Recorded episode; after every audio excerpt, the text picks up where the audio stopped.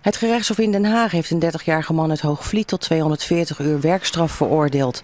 De man reed op 1 april 2010 zo hard over de Groene Kruisweg in Spijkenisse... dat hij een dodelijke aanrijding met een 19-jarig meisje uit Hoogvliet veroorzaakte. Naast de werkstraf mag de dader drie jaar niet autorijden.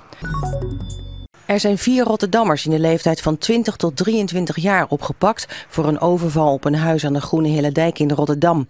Vorige maand werden drie studenten na een avondje stappen in huis overvallen door deze vier. Ze bedreigden de slachtoffers meerdere keren met de dood. Ook moesten ze spullen afgeven en geld pinnen.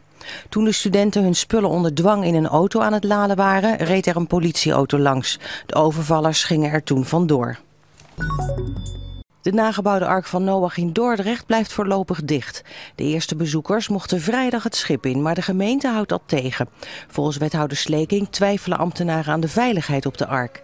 De ChristenUnie en de SGP in Dordrecht willen dat de wethouder haast maakt met de verlening van een vergunning voor de Ark.